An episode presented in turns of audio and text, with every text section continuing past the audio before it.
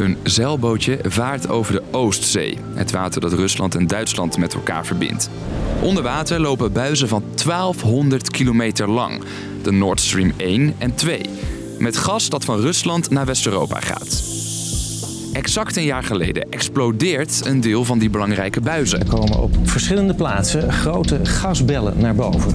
Een aanslag. Sabotage is thought to be behind three leaks in the Nord Stream natural gas pipelines. Alle vingers wijzen direct naar Rusland, die sinds de oorlog in Oekraïne niet bepaald een vriend van Europa is. Maar dat lijkt nu anders te zitten. Wat is de rol van Oekraïne en wat heeft dat zeilbootje daarmee te maken? Ik ben Dennis en daar praat ik je in deze aflevering over bij.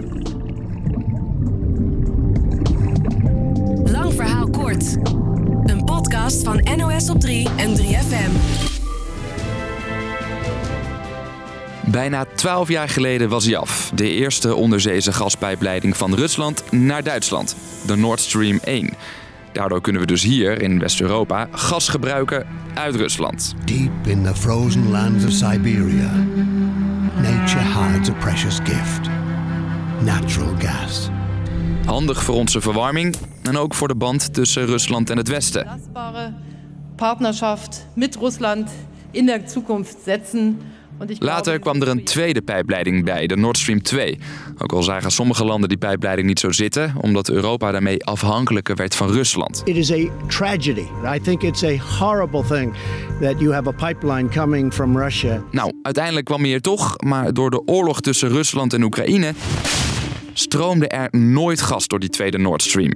En dan, op 27 september 2022, Enorme beschadigingen aan de gaspijpleidingen Nord Stream 1 en 2.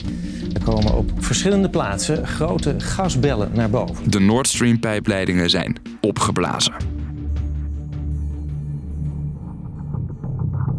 Wie achter die aanslag zit? Tja, dat is dus de grote vraag. Er is wel een vermoeden. Westerse analisten die wijzen naar Rusland, maar bewijzen zijn er niet. Het Duitse Openbaar Ministerie, allerlei inlichtingendiensten en ook onderzoeksjournalisten duiken in de zaak. Met elkaar hebben we denk ik wel een paar maanden gewerkt om te kijken of we eh, konden achterhalen wie er nou achter de aanslag zit. Je hoort mijn collega Ben Meindersma, die in het onderzoek samenwerkte met andere journalisten in Europa. In al die onderzoeken duikt steeds weer één Duits zeilschip op, de Andromeda. Dat is een luxe boot van zo'n 15 meter lang.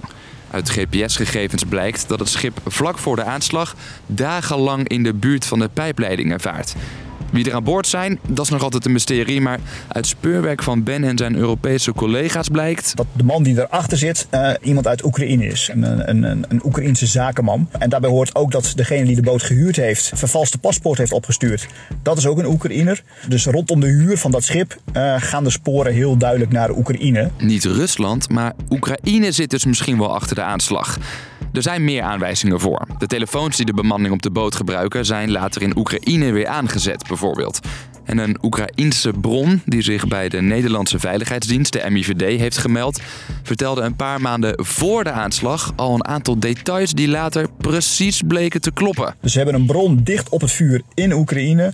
eh, die met hele eh, relevante informatie is gekomen. En dat is natuurlijk ook een hele duidelijke aanwijzing... Dat, nou ja, waarom ze denken dat het in die hoek gezocht moet worden. Verschillende onderzoeken wijzen nu dus vooral naar Oekraïne. Maar zeker is het niet. Je weet natuurlijk niet precies wat je niet weet. En ja, je weet ook niet wie daar weer achter zouden kunnen zitten. En is het wel logisch? Oekraïne wil juist graag bij de Europese Unie horen en krijgt bovendien veel steun in de oorlog met Rusland. Waarom zou Oekraïne dan zo'n belangrijke pijpleiding van zijn bondgenoten opblazen? Ja, van alle landen die, die je zou kunnen verdenken... heeft Oekraïne misschien wel het meest duidelijke motief. Ja, dat zit zo. Door die onderzeese gasleidingen van Rusland naar Duitsland was West-Europa deels van Rusland afhankelijk.